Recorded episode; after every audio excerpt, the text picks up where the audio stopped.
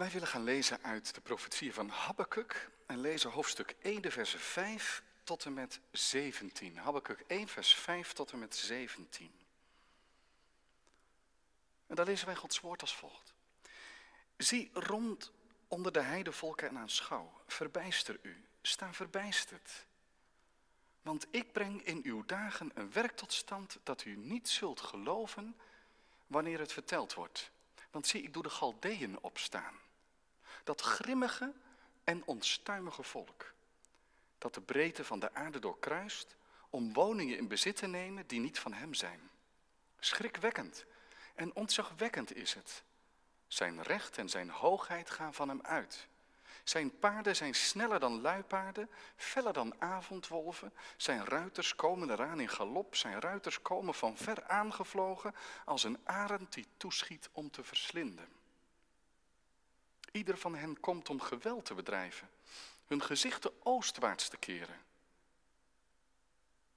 Hun gezichten oostwaarts gericht en men verzamelt gevangenen als zand. Ja, zelf drijft hij de spot met de koningen. Vorsten zijn hem een bespotting. Zelf lacht hij om elke vesting. Hij hoopt er aarde tegen op en neemt hem in. Dan zal hij als de wind veranderen en verder trekken. Zo maakt hij zich schuldig, die van zijn kracht zijn God maakt. En dan komt Habakkuk weer aan het woord in vers 12. Bent u niet van oudsher de Heere, mijn God, mijn heilige? Wij zullen niet sterven. Heere, u hebt hem gesteld tot een oordeel. Rots, u hebt hem gegrondvest om te straffen. U bent te rein van ogen om het kwade aan te zien. Moeite kunt u niet aanschouwen. Waarom aanschouwt u wie trouweloos handelen? Zwijgt u wanneer een goddeloze hem verslindt die rechtvaardig, rechtvaardiger is dan hij zelf? U maakt de mensen als vissen in de zee, als kruipende dieren die geen heerser hebben. Hij haalt ze alle met een vishaak op, brengt ze bijeen met zijn sleepnet en verzamelt ze met zijn werpnet. Daarom verblijdt en verheugt hij zich. Daarom offert hij aan zijn sleepnet. Brengt hij een reukoffer aan zijn werpnet. Want daardoor is zijn vangst groot en zijn voedsel overvloedig. Mag hij daarom zijn sleepnet blijven leegmaken? Volken zonder medelijden blijven doden? Dat is Habakkuk 1, vers 5 tot 17. Hoe kan, hoe kan een goede en een heilige God een wereld besturen in gebrokenheid en met zoveel kwaad? Dat is een hele vraag. Ik zal nog een keer herhalen. Hoe kan een goede en heilige God deze wereld vol gebrokenheid en kwaad besturen? Je zou kunnen voorstellen dat hij iets anders gekozen had, namelijk dat hij zich af zou wenden van deze wereld. Of dat hij in één keer een nieuwe zal maken en deze aan de kant zullen doen. Maar deze wereld, met alle leed en gebrokenheid, en dan die heilige God die bestuurt, kan God van zoveel kwaad iets goeds maken? Zonder dat het kwaad zelf goed wordt. Het kwaad blijft kwaad, maar dat God het gebruikt om iets goeds mee te doen? Is dat niet een van de bezwaren tegen het christelijk geloof? Als er een God zou zijn, waarom zet hij dan niet de dingen recht? Waarom laat hij een coronavirus toe? En zelfs zo dat er meer zieken zijn dan bedden. In vers 1 tot 4 hebben wij bij stilgestaan dat Habakkuk met die vraag zat. Hoe kan de Heer dat nou zien en allemaal laten gebeuren? Hij staat erbij en hij kijkt ernaar. En twee woorden sneden door de lucht. Hoe lang? Waarom? En nu komt het antwoord van de Heer. Habakkuk heeft gezegd, Heer, antwoordt u nog? En de Heer zegt, ja, ik antwoord. Maar het antwoord is wel verbijsterend. In vers 5 staat, je zult, het met je, oren niet kunnen, je zult je oren niet kunnen geloven als je hoort wat het antwoord is. Dus de Heer zelf zegt dat. De Heer weet dat het antwoord dat Hij gaat geven een verbijsterend antwoord is. Dit is het antwoord. Habakkuk, jij zegt, de goddelozen omringen de rechtvaardigen en de Heer laat het allemaal maar gebeuren. ik laat het niet gebeuren, want ik stuur een volk, dat zijn de Galdeeën, die, die geef ik een koninkrijk, die geef ik macht en die geef ik ook het plan om mijn volk, dat daar in Juda en Jeruzalem woont, om die onder de voet te lopen. Dat zal mijn straf zijn. Ik zend de Galdeeën. Dus je wil dat ik de goddelozen een halt toeroep, dat zal ik doen met een wreed en meedogenloos volk. En hen zal ik sturen tot straf van de goddelozen. En als u een beetje bekend bent met de geschiedenis van Jeruzalem en het volk Israël, dan weet u misschien dat Jeruzalem verwoest is op een verschrikkelijke manier door de Babyloniërs in de 6e eeuw voor Christus. Door een wreed en meedogenloos volk. De Babyloniërs, ook wel hier de Galdeën genoemd. Moet je eens over nadenken. Dat de Heere zegt, ik zal hen doen opstaan. Zie je staat niet, nou ja, vijanden zijn er nu eenmaal, je kunt er ook weinig aan doen, je moet er maar mee omgaan. Nee, God heeft dat in zijn hand. Hij laat ze opstaan. Zoals ergens in de Bijbel staat dat hij de harten van de koningen zelfs ombuigt naar zijn plannen. Hij geeft koninkrijken en neemt ze weer weg. Hij geeft koningen en neemt ze weer weg. Dus ook dat meedogenloze volk van de Galdeën kan de Heer gebruiken als, wat, een stok om mee te slaan, om toch iets goeds mee te doen? Het is soms zo onbegrijpelijk, maar het is een bijbelse waarheid. Dat de Heere raad weet, zelfs met die dingen die hij zelf als zonde en kwaad bestempelt. Neem nou dat, dat Jozef door zijn broers verkocht is naar Egypte. Was dat volgens Gods wil? Het eerste wat je daarvan moet zeggen is dat was absoluut niet naar Gods wil.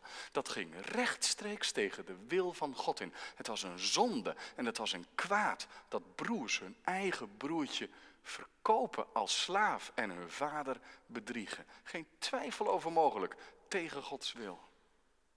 Maar als je vervolgens heel die geschiedenis volgt, dat Jozef onderkoning wordt en dat die broers terugkomen, dat zo het volk Israël in leven gehouden worden, dan begrijp je een beetje wat Jozef dan later zegt. Als die broers bij hem komen en hij zegt, ik ben Jozef. En dat hij dan ook zegt, u hebt het ten kwade gedacht. Het blijft kwaad. Kwaad blijft kwaad. U hebt het ten kwade bedacht. Maar dat kwade heeft God ten goede bedacht. Om namelijk een heel volk in leven te behouden. Dus God kan met het kwaad, wat kwaad blijft, iets goeds doen. En zien we datzelfde eigenlijk ook niet bij David en Bathseba. David gaat vreemd en hij doet verschrikkelijke dingen door de man, de eigen man van Bathseba, Uria, uit de weg te ruimen. En hij neemt Bathseba tot zijn eigen vrouw dat kindje wat uit die zwangerschap voortkomt, sterft. Maar later wordt er een ander kindje uitgeboren. Een, een kind, een koning, die in het voorgeslacht van de Heer Jezus staat. En in Matthäus 1 lezen we ook dat Bathseba een van de moeders van Christus is. Je zou eigenlijk kunnen zeggen, maar dat had niet gemoeten. David was de lijn en Bathseba hoorde daar niet bij. Hij moest zijn handen thuis houden. Hij had Bathseba aan Uria moeten laten. Het is een kwaad wat de Heer duidt als kwaad en wat de Heer straft als kwaad. Maar wat uiteindelijk toch in het plan van God wordt opgenomen. Onbegrijpelijk misschien, maar wel belangrijk om te zien dat het kan. Is dat bij Judas anders? De Heer Jezus heeft dus gezegd, de zoon des mensen gaat wel heen zoals over hem geschreven is. Het gaat allemaal volgens dat plan en volgens de profetie. Maar wee de mens die mij verraden zal. Dat beide staat in één tekst en het is allebei waar. Het is een groot kwaad, het verraad van Judas en hij is daarvoor verantwoordelijk. En toch schakelt God dat in in zijn ondoorgrondelijke plan. En volvoert God zijn raad, ook met Jezus en met het kruis. Het is bijzonder in dit gedeelte, als de Heer, en, en, lees dat maar na in de versen 5 tot en met 11, als de Heer zelf dat volk, de Galdeeën, aandraagt en omschrijft, dat de Heer dat in niet mis te verstaande termen doet. De Heer verbloemt niet dat ze een vreed en meedogenloos volk zijn. Er staat juist dat het een zeer grimmig volk zal zijn. Vers 6. Ik doe de Galdeeën opstaan, dat grimmige en onstuimige volk. En het is schrikwekkend, zegt vers 7, ontzagwekkend. Zijn recht en zijn hoogmoed, zijn, zijn, zijn, zijn hoogheid gaan van hem uit. Paarden sneller dan luipaarden. En dan het geweld wat ze aanrichten. En ze spotten met alle machten die er zijn. Koningen lopen ze onder de voet. Vestingen gooien ze omver. En zo maakt hij zich schuldig, zegt de Heer over dit volk, dat hij zelf als een instrument gaat gebruiken. Hij maakt zich schuldig, die van zijn kracht zijn God maakt. Is dat niet treffend gezegd? Dit is een volk dat zijn eigen krachten aanbidt. Mijn kracht, dat is mijn God. Zo'n volk, zo'n ontaard en wreed volk, is toch een instrument in de hand van God. Met dat de Heere God dit volk zo in zijn gruwelijkheid omschrijft, zegt de Heer eigenlijk tegen Habakkuk, Habakkuk, nou dit is je voorzet. Ik ga ervan uit dat je wat te protesteren hebt. De, de Heer geeft eigenlijk de voorzet tot de volgende vraag van Habakkuk. Hij nodigt Habakkuk als het ware uit. Hij geeft hem van alles in handen om het gesprek, dat hele intense gesprek, die worsteling met God voort te zetten. En Habakkuk maakt van de gelegenheid gebruik. Hij protesteert. Hij protesteert intens. Hij zegt eigenlijk, heren, hoe kan dat nu? Ik heb u inderdaad gevraagd om wat te doen tegen die goddeloosheid en dat het recht struikelt op de straat. Maar het middel dat u inzet is erger dan de kwaal. Hoe is het mogelijk? Hoe kunt u nu, om het onrecht binnen Juda en Jeruzalem tegen te gaan, een volk gebruiken wat zo grimmig en meedogenloos is? Bij het onrecht en de ellende van de Babyloniërs is het onrecht in Jeruzalem maar kinderspel. Want ook de rechtvaardigen zullen met de goddelozen ten onder gaan. Heer, dank voor uw antwoord, maar ik had liever wat anders gehoord. En dan gaat Habakkuk protesteren. En het lijkt mij dat dat iets is wat we als christenen, als gelovigen niet mogen vergeten. Protesteren, protesteren ja. Je kunt namelijk ook te gemakkelijk misschien te gemakzuchtig met de oordelen van God omgaan. Sommigen zeggen, ik denk dat God het coronavirus gebruikt om iets te doen. Ik heb daar ook wel voor gebeden. Ik begrijp dat persoonlijk ook. Je zegt, Heer, wilt u iets doen? Dat die, dat die onverschilligheid en de oppervlakkigheid is wat afgelopen zal zijn. Dat mensen nagaan denken over de zin van het leven en of, of God er is. En soms hoor je dat ook, dat juist de angst en de onzekerheid die die ziekte en het coronavirus met zich meebrengt, dat het mensen tot bekering brengt. Wat een geweldige wonder is dat. En sommigen zeggen, ja maar God, God doet dat om, om deze wereld wakker te schudden en stil te zetten. En misschien ook wel als een oordeel op de, de, de verkeerde keuzes en de zonde en van, van de mensen en de uitbuiting van de schepping. Het kan. Het zijn misschien heel waardevolle gedachten. En toch moeten we voorzichtig zijn. Voorzichtig om er ook maar enigszins blij mee te zijn. Dat je dat misschien bijna opgelucht zegt. God grijpt in, hij heeft ons iets te zeggen. Misschien niet mij, maar toch de wereld om mij heen. Maar zo werkt het niet. Nu dit gebeurt en je ziet het leed in Italië. Mensen sterven in eenzaamheid. Mensen die zich ontfermen worden het hardst getroffen. De situatie in Spanje, de lockdowns. En, en als het bij ons langer gaat duren, dan is de, de, de onwendigheid en, en misschien het eerste het gaat nog wel, we hebben onze boodschappen en dat zal misschien ook wel zo blijven. Maar toch, wat zal het allemaal doen in de economie? Het leed van ondernemers? Om nog maar even voorbij te gaan aan de vluchtelingen die het net aan overleefd hebben, de oversteek naar de Griekse eilanden, die vastzitten, die hun hoop op Europa zien vervliegen. Dan is het nogal makkelijk om te zeggen, uh, God doet iets, kijk maar. Nee, dan zeggen we, heren, ik geloof dat ook dit in uw hand is. Maar voor zover ik het niet begrijp, dat leed, heren, wilt u er wat aan doen? Als ook de rechtvaardige getroffen wordt. En er mensen sterven in eenzaamheid zonder dat iemand van de familie erbij kan zijn. Dat er geen uitvaart mogelijk is. Geen afscheidsdienst. Dat lichamen simpelweg afgevoerd worden. God bewaren ons ervoor. En zal dat dan niet, ondanks dat je mag geloven dat ook God dit in zijn hand houdt en dat je tegelijk bidt of God er een opwekking door wil geven en bekeringen en, en, en dat mensen echt hun houvast vinden in de levende God. Dat je tegelijk zegt, Heer, houd dit een halt, roep dit een halt toe. Dat het overgaat.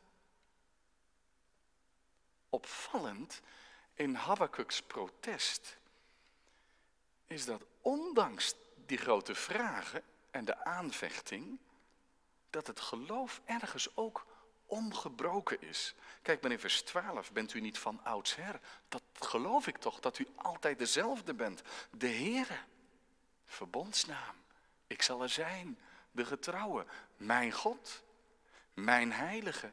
Wij zullen niet sterven. Dat zegt hij ook. Dus ergens zit in al die vragen er een bodem onder. Dat Habakkuk zegt, ik snap het niet en ik ben bang onder de voet gelopen te worden door onrecht, oordeel, ellende. En toch, wij zullen niet sterven. Dat is toch uw belofte van oudsher. Heer, u hebt hem gesteld tot een oordeel. U heeft het werkelijk in uw hand. U bent mijn rots. U hebt hem gegrondvest om te straffen. En u bent terrein van ogen, dat u het kwade zou zien. Kijk, dat geloof is ongeschokt. Hij gelooft in Gods recht, in Gods heiligheid en in zijn Gods goedheid en in Gods beloften. Maar hij zegt ook, Heer, als u dan zo bent, waarom dan dit? Waarom dan dit volk zo wreed? Want als hij dan verder schrijft, en profeteert in vers 14 tot en met 17 wordt daar het beeld getekend als iemand die vishaken en visnetten in de zee gooit en de volken en de mensen als het ware zo binnenhaalt in zijn eigen macht. Zo is dat volk Babel. Zo zijn die Galdeeën al bezig en straks gooien ze hun netten uit over Jeruzalem. En, dan zal die genoegelijk kijken hoe die iedereen in zijn macht krijgt. Mag hij daarom zijn sleepnet, zegt vers 17, blijven leegmaken? En volken zonder medelijden blijven doden? Kan dat maar zo als u mijn Heere, mijn God, mijn Heilige bent? Begrijpt u Habakkuk een beetje? U bent heilig en goed. Hoe kunt u dit volk zijn gang laten gaan? En, en dan gaan we reeds de weg van vrees naar vreugde, van vrees naar vertrouwen. Maar die weg, die loopt niet over verklaringen, maar over beloften. Wij zullen niet sterven. U heeft het zelf gezegd. Want in hoofdstuk 2, vers 4 staat, hopen we dan, Steer het geeft morgen bij stil te staan. De rechtvaardige zal door zijn geloof leven. Hoe dat moet, Habakkuk weet dat nog niet. Maar hij gelooft het met heel zijn hart. En reken maar als hij aan het einde van die profetieën gekomen zal zijn en de juichkreet van het geloof en van uitbundige vreugde klinkt door, dan zijn de Galdeën nog niet achter de rug. Dan is de dreiging nog even groot. Maar die weg over de belofte, die heeft steun gegeven en houvast gegeven. Kan God het kwaad gebruiken voor iets goeds? De discipelen dachten dat alles misging toen Jezus gevangen genomen werd, hun meester. En veroordeeld en vals beschuldigd en bespot en geslagen. En uiteindelijk aan het kruis genageld. Onrecht op onrecht. Hij overgeleverd in de handen van mensen die alles met hem doen wat ze willen. Maar juist op dat moment dat de Heer Jezus aan dat onrecht lijdt en sterft, straft God het onrecht en het kwaad tot in de wortel. Hij veroordeelt het. En hij draagt het weg. En hij breekt het. En hij geeft genade en recht en liefde en verzoening. In die onbegrijpelijke weg van Jezus Christus en het kruis redde God de wereld. Hij gebruikte zelfs dat diepe onrecht van de veroordeling van Jezus tot de weg van zijn genade. Ja, ook voor hem toen moesten alle dingen medewerken ten goede. En dat doen ze ook nu nog, zodat wij kunnen zeggen, niets, maar dan ook niets, zal ons kunnen scheiden van de liefde van God in Jezus Christus, onze Heer.